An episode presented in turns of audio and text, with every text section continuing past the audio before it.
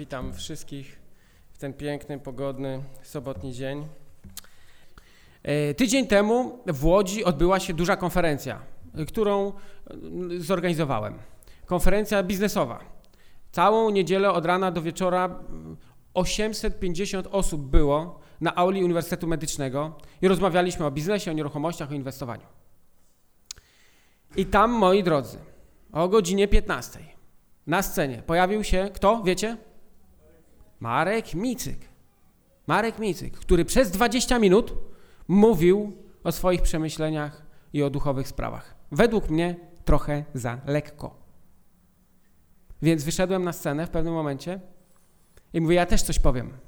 I zacząłem mówić o warunkach, jakie każdy ma do tego, żeby inwestować wśród tych inwestorów oraz to, w czym pokładają nadzieję, bo niektórzy pokładają nadzieję w wizualizacji, niektórzy pokładają w okultystycznych technikach, niektórzy pokładają nadzieję mm, w tym, że cokolwiek w ich życiu się, w życiu się dzieje, to może to być fuks albo szczęście. A ja wyszedłem i powiedziałem, jak to jest w moim życiu. I powiedziałem, że moje powodzenie zależy od Bożego błogosławieństwa. I wyświetliłem slajd i powołałem się na trzy cytaty. Pierwszy pochodził z księgi Zajasza, 58 rozdział. I tam mowa jest o tym, szczególnie na końcu, chociaż cały rozdział 58 polecam przeczytać, bo tam jest kilka warunków do błogosławieństwa Bożego, ale ten ostatni cytat mówi oczywiście o czym? O siódmym dniu tygodnia. I powiedziałem, że dzisiaj dzień, że dzisiaj świat święci pierwszy dzień tygodnia, ja akurat siódmy. Potem odwołałem się do 10 Bożych Przykazań i 20 rozdziału Księgi Wyjścia i następnie do Księgi Malachiasza, trzeciego rozdziału, 10 wersetu, gdzie jest mowa o czym? O dziesięcinie, o tym, że jak przynosimy dziesiątą część Bogu, to potem Bóg otwiera co? A jak jest w tysiąclatce, bo to mi się jeszcze bardziej podoba, słyszeliście to? Zawór błogosławieństw i one się wylewają. To jest niesamowite, to jest niesamowite. I ja mówiłem, że myślę, że najważniejsza to jest relacja z Jezusem i to, jaki jest nasz stosunek. Dzisiaj patrzcie, jakie mamy niesamowite możliwości. To znaczy, no, akurat tak Bóg to układa. Też stawia, postawił mnie w bardzo odpowiedzialnej miejscu, gdzie niestety nie zawsze myślę, że jestem w stanie sprostać Jego oczekiwaniom, bo też jestem tylko człowiekiem, mam stresy swoje i obawy, i myśli, i strach, ale wtedy nie miałem. Dzięki Bogu wyszedłem, powiedziałem, co chciałem powiedzieć. Natomiast to jest niesamowite, że patrzcie, dzisiaj ewangelizacja tak działa, że nawet na takich dużych konferencjach mamy możliwość przemawiać. I to jest y, y, możliwe dzisiaj, bo jeszcze podejrzewam 20 lat temu byłoby niemożliwe. To znaczy nie jest to proste, bo gdybyśmy tak chcieli na jakąkolwiek wejść gdzieś w konferencję i powiedzieć, dobra, to my teraz powiemy trochę o Bogu, to podejrzewam, żeby tam powiedzieć, słuchaj, ale to nie jest nie na temat, nie? A tam nikt nie pytał, czy to jest na temat, czy nie na temat. Wszyscy słuchali.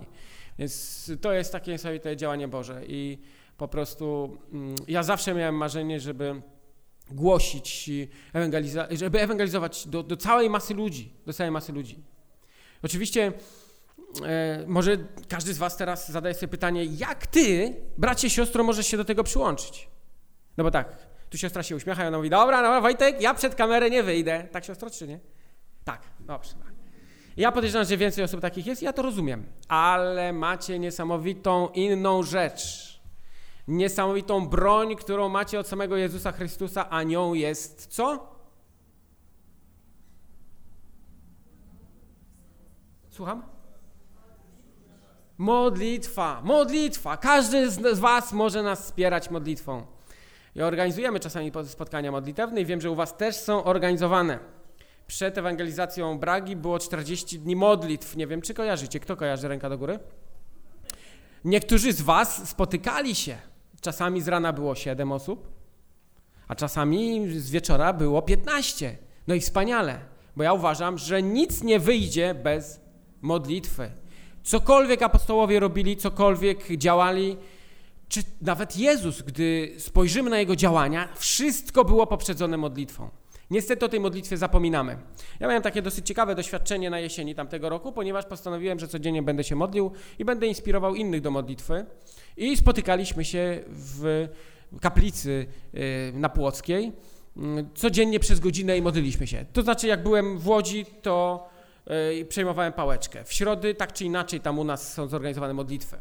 Czasami byłem sam, Czasami było też nas siedem osób. Słuchajcie, przez y, dwa i pół miesiąca kontynuowałem codziennie.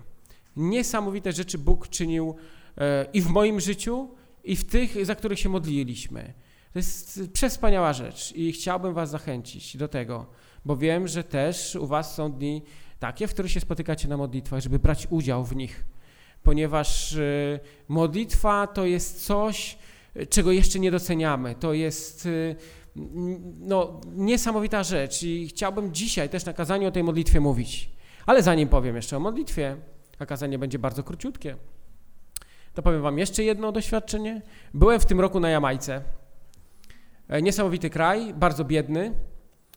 E, ludzie mieszkają w wiatach garażowych. To jest nie do pomyślenia, w jakich dobrych warunkach my dzisiaj tutaj mieszkamy. To jest naprawdę przewspaniała rzecz. Dziękujcie Bogu, że urodziliśmy się w Polsce, gdzie nie ma tajfunów. Oprócz mojego psa na podwórku, który ma na imię Tajfun. Ale e, nie ma żadnych. No, okej, okay, orkany czasami się pojawiają. No nawet powódź była ostatnio w Łodzi, ale to taka tam powódź, no popłynęło, potem tam już wieczorem było sucho. Nie ma fal tsunami, nie ma trzęsień ziemi, idziecie do lasu, żaden wąż boa was nie zadusi, lampart was nie napadnie, mucha was nie ugryzie, co najwyżej komary, nie? Dzisiaj ludzie się kleszczy boją tylko w Polsce. Nie no, wspaniałe warunki. Zimą możemy pojeździć na nartach, latem możemy się popalać. E, uważam, że żyjemy w bardzo dobrych warunkach, w przeciwieństwie do Jamajki, gdzie ludzie naprawdę cierpią wielką biedę. Ale co ciekawe, Jamajka jest krajem, który najszybciej rozwija się i jest naj, odnotowana w Wikipedii, jest napisane, że jest odnotowana na największa liczba nawróceń, a w tym dominuje kościół jaki? Adwentystów Dnia Siódmego, to jest niesamowite. Jechaliśmy na odcinku 80 km e, z jednego miejsca na drugi autobusem i moja żona nie mogła wyjść z podziwu, bo widzi kościół, Adwentystów Dnia Siódmego. Za chwilę drugi kościół przy drodze. Adwentystów Dnia Siódmego. Za chwilę trzeci kościół. Adwentystów Dnia Siódmego. Słuchajcie, o, zmówili się tutaj, czy co? No, jest niesamowite, jak tam Duch Święty działa i po prostu e, takie jest moje marzenie, żeby to samo działo się w Łodzi. Wczoraj tak bardzo delikatnie podchodziliśmy do pewnych tematów tych teologicznych, no i właśnie Norbert przyszedł i mówi, jak ja się mam przedstawić? E, no bo ja jestem takim ewangelistą, ja jestem tu kolporterem. Ja mówię, przedstaw się jako misjonarz. No ale to wiesz, misjonarze to w Afryce. Ja mówię, słuchaj, Polska potrzebuje misjonarzy. Dzisiaj naprawdę. My tam modlimy się za misję za granicą, a tu w Polsce jest niesamowite pole do pracy. Yy... Więc zachęcam Was do modlitwy. Modlitwa może zdziałać niesamowite cuda. Ostatnio trafiłem na taką książkę, która nosi tytuł nie bój się prosić o więcej. Czy ktoś tą książkę czytał? Ja kupiłem 25 sztuk do naszego zboru, one się rozeszły, pożyczyłem, żeby nasi ludzie się zapoznali, ale pozbieram je i przywiozę je tu do was, żeby każdy z was mógł sobie poczytać. No, niesamowite rzeczy się tam dzieją, które są w tej książce opisane. Tam jest taka siostra Raluka, która działa teraz przy generalnej konferencji. Ona też ma niesamowite doświadczenia na polu ewangelizacyjnym i ona opisuje to, co się dzieje e, na całym świecie, gdzie pamiętam, opisywała taką sytuację, że jedna z sióstr e, w Japonii, czy w Chinach, już nie pamiętam tam, tamte okolice, zachorowała i zadzwoniła do pastora zboru adwentowego, żeby się o nią modlił. E, no i wszyscy modlili się, jednak niestety później ta siostra zmarła. Ona zmarła tuż przed tym, jak ten pastor z delegacją miał ją odwiedzić i e, no, porozmawiać z nią, pocieszyć. Gdy on się dowiedział o tym w całej diecezji, poprosił wszystkich, żeby się modlili za tą siostrę. I słuchajcie, nastąpił niesamowity cud. Siostra zmartwychwstała. Gdy dzisiaj myślimy o takich cudach, to mówimy, nie, to jest poza zasięgiem naszym. Chociaż Pismo Święte mówi, że w czasach ostatecznych takie rzeczy będą się działy. Wczoraj jednym z prelegentów był Jerzy Góralewski i on opowiadał swoje doświadczenie, gdzie mówi, szedł ulicą i zobaczył e, taką siostrę, która e, siedziała pod ścianą, miała nogi całe powykrzywiane, i no, prosiła jałmużnę. I nagle jakiś głos podpowiedział mu, słuchaj, podejdź do tej siostry i powiedz jej w imieniu Jezusa wstanie. I on mówi, ani nie mogłem w lewo skręcić, ani w prawo, coś jakby mnie z tyłu wzięło i podszedłem do niej. Położyłem monetę i odszedłem. Nie wiem, ile osób z Was czasami próbowało, próbowało, próbowało modlitwy i tego, żeby Duch Święty, Duch Boży zadziałał. Dzisiaj boimy się, jesteśmy przerażeni, bo zastanawiamy się, co będzie, jeśli nie wyjdzie. Oczywiście samodzielnie możemy zrobić o wiele mniej, ale w grupie, a szczególnie już w takim zborze wspaniałym, w jakim wy tutaj jesteście, jestem pewien, że możemy czynić niesamowite cuda. Tylko wszystko musi być oparte na intensywnej modlitwie. W tej książce opisane jest takie doświadczenie, że jeden z pastorów, też gdzieś bardziej tam na wschodzie, miał problem z członkami kościoła, którzy coraz rzadziej przychodzili na nabożeństwo. Coraz ich było mniej. Coraz bardziej się zapominali i odchodzili. I jeden z braci zaproponował, żeby cały kościół się modlił. A więc najpierw on klęknął i zaczęli modlić się o siebie nawzajem. Potem co dzień przyłączali się kolejni członkowie zboru i tak godzinami codziennie trwali w modlitwie. Był taki moment, że modlili się nawet cały dzień, a potem okazało się, że coraz więcej ludzi zaczyna przychodzić na nabożeństwa. Coraz więcej ludzi zaczyna się przyłączać. I modlili się dalej gorąco, modlili się o to, aby w ich wiosce, a tam wiecie, wioski w Chinach to milionowe są, coraz więcej osób było zaangażowanych. Słuchajcie, w ciągu roku ościło się 3000 osób. Ja wiem, że u nas nie ma aż takich wielkich miast. No ale jak sobie tak spojrzymy na Łódź, 700 tysięcy, no to co to takie 10 tysięcy, gdyby przyszło do nas się ościć? Ja nie wiem, czy myśleliście kiedykolwiek o tym. Był taki reformator, John Knox się nazywał. I on w swoich modlitwach wołał do Boga, gdy modlił się o Szkocję: Panie Boże, daj mi Szkocję albo niech umrę.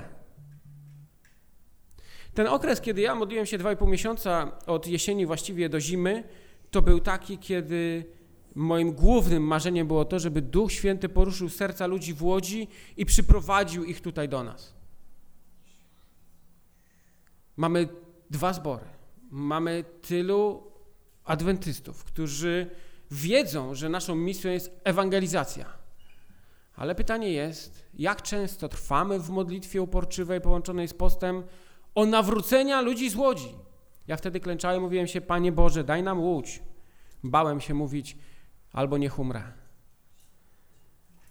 Ale jakie Twoje doświadczenia w tym są? Jak otworzymy sobie Ewangelię Łukasza no, w 11 rozdziale, tam jest mowa o tym, że możemy prosić Boga o wszystko.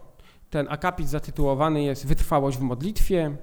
I każdy z Was zna ten fragment na pamięć, jestem pewien, bo on brzmi, że kto, każdy, kto prosi, otrzymuje, kto szuka, znajduje, kołączącemu otworzą. Jeżeli którego z was ojców syn poprosi o chleb, czy poda mu kamień, to wiecie, ja też to w swoich kazaniach nieraz przytaczałem. I tam jest napisane, jeśli więc wy, choć źli jesteście, umiecie dawać dobre dary swoim dzieciom, jesteście dobrzy czy źli? Patrzcie, jesteśmy źli, chociaż czasami tak sobie stoimy, mówimy, nie, no, jestem adwentysta, przestrzegam przykazań, chodzę do kościoła, ale tak naprawdę ileż w nas jest tej złości i obłudy przez działanie diabła, który wokół nas jest i cały czas nas psuje.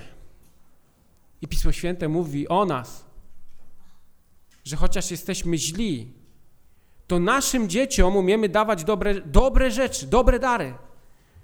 I tam jest zakończone o ileż bardziej Ojciec z nieba da Ducha Świętego tym, którzy Go proszą. Ducha Świętego. Ja nieraz czytałem ten fragment i on mi się troszeczkę, bo tu jest Ewangelia Łukasza 11 rozdział, bo jak otworzymy sobie Ewangelię Mateusza 6 rozdział, to w 11 wersecie jest napisane, że wy będąc złymi potraficie dawać dobre dary swoim dzieciom, ileż więcej Ojciec wasz, który jest w niebie, da dobre rzeczy tym, którzy Go proszą. I to tak zawsze było ok, co poproszę, to Bóg mi da i ja zawsze się modliłem i zawsze Bóg mnie wysłuchiwał i też znacie mnie tu nieraz, opowiadałem doświadczenia. Mój Kuba miał być kiedyś operowany na migdałki, wasza siostra tu Danusia kiedyś mówi po kazaniu, pamiętam, ale co ty będziesz z nim na operacji, może byś się pomodlił? Ja mówię, faktycznie przecież się modliłem. I zaczęliśmy się modlić intensywnie, ja prosiłem wszystkich o, o modlitwy. Raz zabieg był odkładany, drugi zabieg był odkładany, bo to strajk, bo to coś tam, aż w końcu w trzecim on dostał gorączki i nie doszło do wycięcia migdałków, do dzisiaj jest. I dla mnie to jest ewidentny cud. Bo ja uważam, że dzisiaj medycyna jest niesamowita, ona przychodzi z pomocą nam. Lekarze robią cuda i dziwy, no niesamowite rzeczy. Ja pamiętam, jak miałem złamaną nogę, lekarz mówił, będzie pan zawsze utykał na tę nogę, bo będzie pan miał krótką. Ale zrobimy wszystko, co jest y, krótszą, ale zrobimy wszystko, co jest możliwe. Ja pamiętam, już wtedy się modliłem i dzisiaj chodzę i nie utykam. I wierzę, że to jest Boże działanie. Pamiętam wczoraj na doświadczeniu opowiadałem, że kiedyś inną nogę uszkodził mi kolega, bo graliśmy w piłkę i lekarz mówił operacja, zabieg konieczny, zabieg konieczny. A ja leki z Bożej apteki, sposób na to, żeby pomóc, gorąca modlitwa, a potem e, lekarz mówi, nie, to jest niemożliwe, to jest niemożliwe. Jak zakończyłem swoją terapię z wątrobą, to dla mnie to też jest w ogóle cud, bo 20 lat się modliłem. Wyliczyłem, że w ciągu 20 lat modliłem się 18 963 razy o to, żeby Bóg mnie uzdrowił. Nie pomyślałem, bo mogłem po, poprosić tysiąc osób i żebyśmy się wspólnie e, pomodlili 18, mm, 19 e, razy i byłby może ten sam efekt, nie? No nie. Tu 20 lat, 18 900 ale może byłoby krócej i jakbym tysiąc osób poprosił, to matematyka, ale nie wiem, czy to tak działa, nie próbowałem, ale sobie pomyślałem, 20 lat czekałem, no i dla mnie to jest cud, bo wiele chorób jest, tak? Mamy stwardnienie rozsiane, mamy e, różnego rodzaju białaczki, raki, nowotwory, no yy, i nie ma takiego ewidentnego leku na to. I też HCV, które ja miałem, nie było. Czasami przychodziłem i mówiłem, wierzę, że Bóg mnie uzdrowił, chociaż później, jak się okazywało, to jednak ten wirus nie był wytępiony. A potem się okazało, że medycyna wynalazła lek, który jest bez y, skutków ubocznych, y, nie ma zastrzyków, bierze się tabletki, trzy miesiące, bach. Dla mnie to jest cud. Dla mnie to jest cud osobiście. Dotrwałem do momentu, w którym Bóg wynalazł lek. Ja nie wiem, czy to dla mnie, czy nie, ale dla mnie to jest ewidentny cud. Może to jest bieg okoliczności, możecie mówić różne rzeczy, ale jest cud, nie? I ja wierzę, że się modliłem o to gorąco. Się, nigdy w życiu za nic bardziej gorąco się modliłem. No, może poza żoną i rodziną. I dzisiaj mija 18 lat małżeństwa, i też uważam, że to jest cud, że przetrwaliśmy. Ale były takie krytyczne momenty w moim życiu, gdzie ja wychodziłem, pamiętam, na spacer i mówiłem: Ja już, Panie Boże, nie daję rady. Nie daję rady. I mam dużo podstaw do tego, żeby powiedzieć: Do widzenia i wychodzę z tego domu żeby nie być samolubnym, moja żona myślę, że podobnie myślała. Ja już mam go dość, już mam wiele podstaw, żeby wyjść z tego domu i trzasnąć drzwiami, nie? Nie to, żeby moja żona była zła. Po prostu wiecie, jak to jest, nie? Zawsze prawda leży po środku, a tak jak patrzymy z swojego punktu widzenia, o nie, nie, ja jestem w porządku. I ja mówiłem, Panie Boże, to już jest koniec, więc rozstajemy się. Ale rozstaniemy się, jak moja żona wyjdzie. Ale moja żona nie chciała wyjść. Ja też nie chciałem wyjść. I modliłem się gorąco o to. I Bóg dał nam przetrwać największe kryzysy wtedy, nie? Więc to, to jest też wynik modlitwy. I dzisiaj, ja, ja pamiętam taki moment w 2012, e, kiedy miałem taką wielką awanturę po przyjeździe z, e, byliśmy taką grupą w górach. E, Ewcia tutaj była z nami, a nie, nie wiem, nie ma gdzie dzisiaj, nie wiem czy Michał był wtedy. No takie trudne czasy też w ogóle i dla naszych zborów były. I, I, pamiętam, jak o drugiej w nocy szedłem ulicą i myślałem o tym. I czasami teraz też idę, idę wieczorem na spacer z psem i mówię, Panie Boże, jaki Ty jesteś wielki, jak dziękuję Ci, że Ty dałeś nam pokój, bezpieczeństwo i jesteś z nami. Ale to są takie rzeczy przyziemne, bo o to się o, modlimy się o, o własne rzeczy, o własne potrzeby, o to. Ale Ewangelia Łukasza, która mówi o tym samym wersecie, w tym samym wersecie, mówi o tym, że jeżeli będziemy prosić, zamknęło mi się, nie pamiętam, ale to mniej więcej było tak, że o ileż bardziej Bóg da Ducha Świętego tym, którzy Go o to proszą.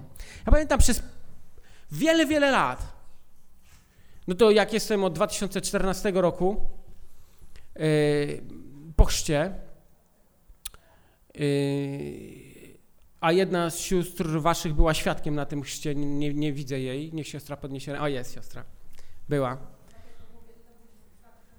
Czwarty, przepraszam, 2004 rok. Bardzo dobrze mnie siostra po, po, po, poprawiła. W, w, ogóle to było też y, w, na zewnątrz, y, w polach. Y, był taki staw i ja pamiętam, tam Zygmunt wszystko organizował, kłapyta.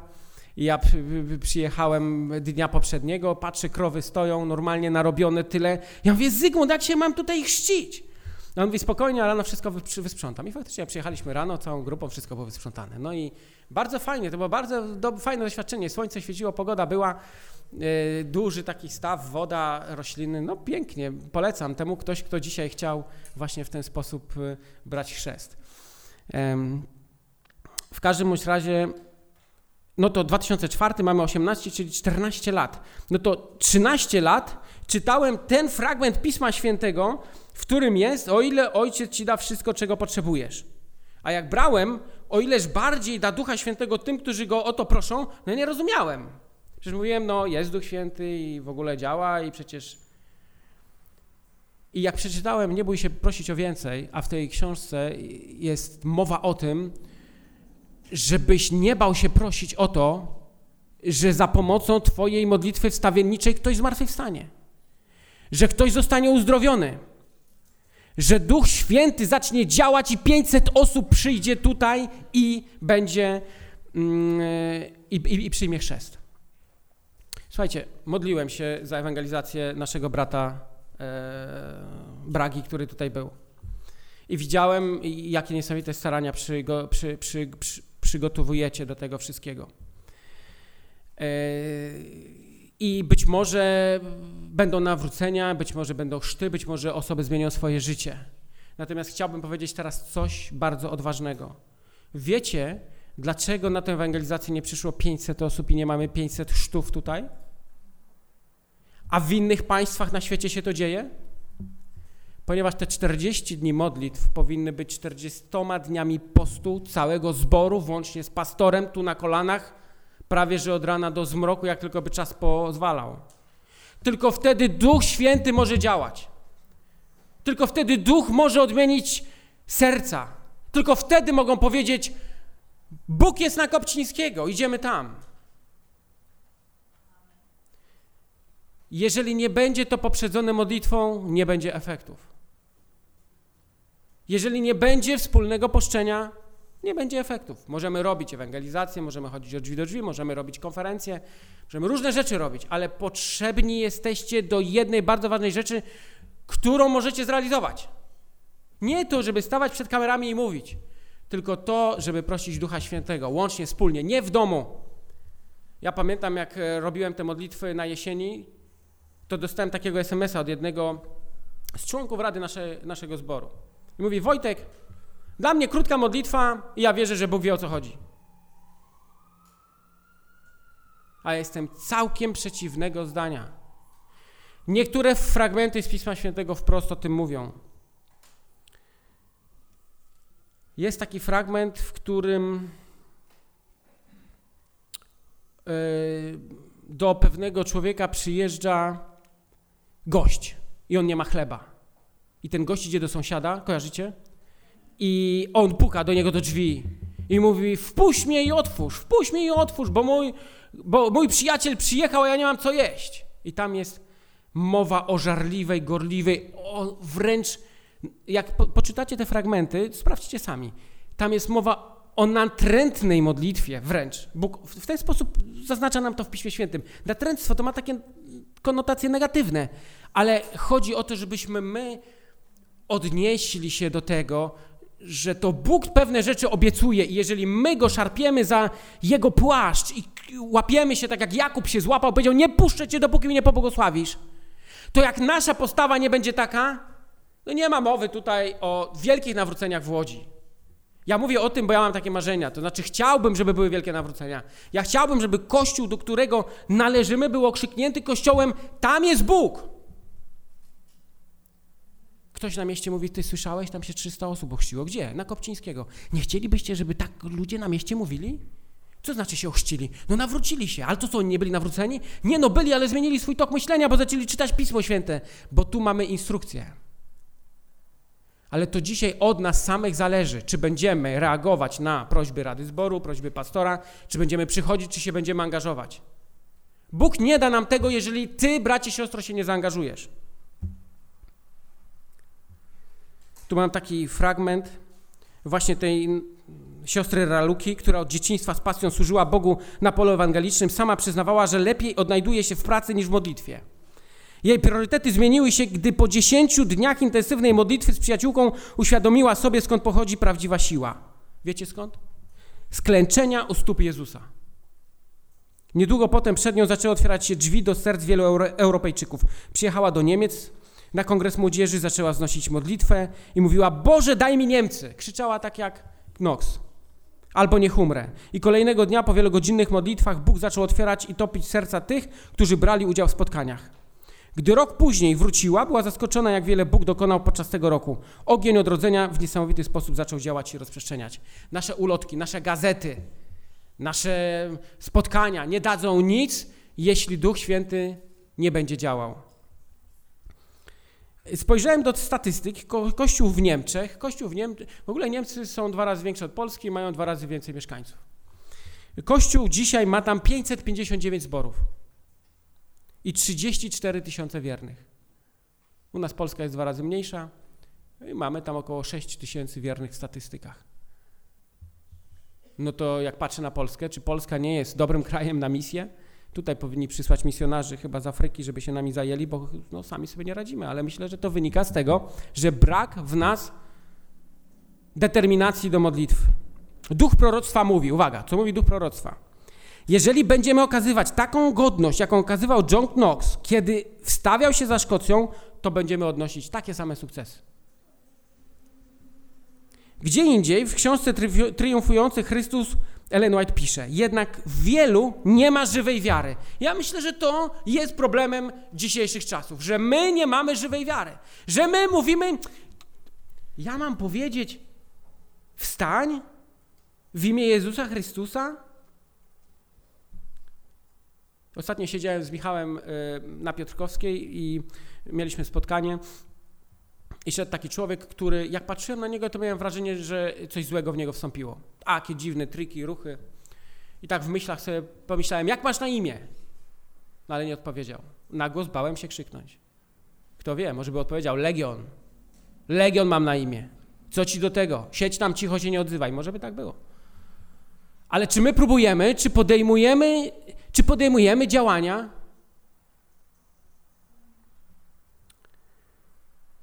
Ludzie ci są przekonani, że wierzą, ale ich wiara jest tylko chwilowa. Nie pukają wytrwale do drzwi i nie zanoszą swojej prośby do Pana. To, czego Bóg oczekuje, to nie chwilowy impuls. Nasze modlitwy muszą być żarliwe i gorliwe, jak prośba przyjaciela, który będąc w potrzebie prosił o chleb o północy. Im więcej prosicie, tym silniejsza będzie wasza duchowa więź. I w końcu otrzymacie coraz większe błogosławieństwa w miarę jak wzrastać będzie wasza wiara. Bóg ma całe niebo błogosławieństw, które pragnie zesłać na tych, którzy gorliwie szukają pomocy, jak mogą otrzymać tylko od Pana. Gdy otworzymy sobie ten cytat y, Mateusza 15:22, który był czytany na początku przez brata, tam jest napisane i oto niewiasta kananejska wyszedłszy z tamtych stron wołała mówiąc zmiłuj się nade mną, Panie, synu Dawida. Córka moja jest okrutnie dręczona przez demona. On zaś jej nie odpowiedział ani słowa.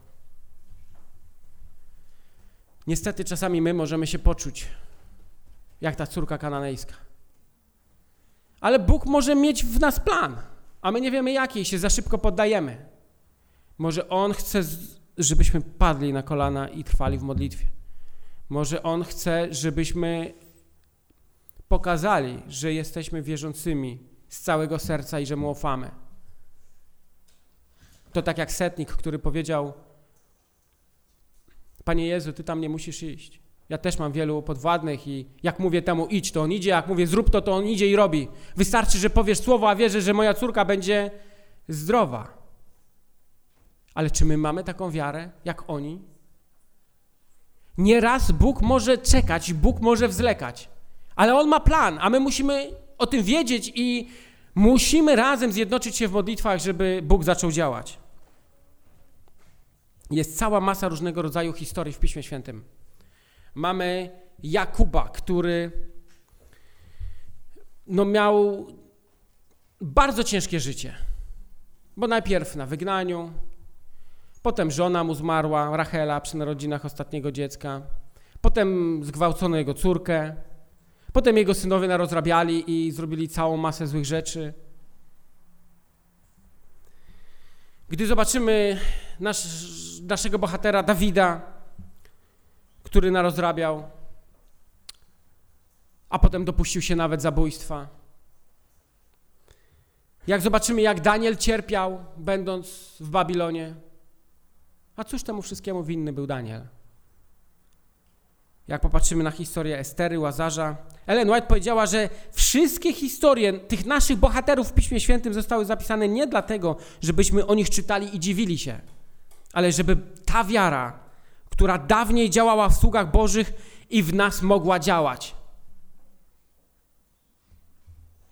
I Ellen White pisze coś, na czym chciałbym, żebyśmy teraz oparli nasze przyszłe myśli. Pisze, i będzie działała, jeśli tylko będą wierzące serca, które pozwolą się użyć jako narzędzie mocy Boga. Nie ma obawy, że Pan nie przyjmie modlitw i próśb swoich dzieci. Niebezpieczeństwo leży w tym, że one same pod wpływem pokus i doświadczeń przestają trwać w modlitwie. Zachęcam, jeżeli przyjdzie Wam do głowy ewangelizować i robić duże spotkania, albo mm, myśleć o tym, że ktoś coś robi, spotykajcie się, dajcie znać, ja się z chęcią przyłączę i będziemy trwać w modlitwie. Po to, żeby Duch Święty działał, bo my sami nic nie zrobimy. Nie jesteśmy w stanie nic zrobić. Ja, słuchajcie, e, od 2004 roku do 2008 chodziłem i ewangelizowałem wszystkich po kolei.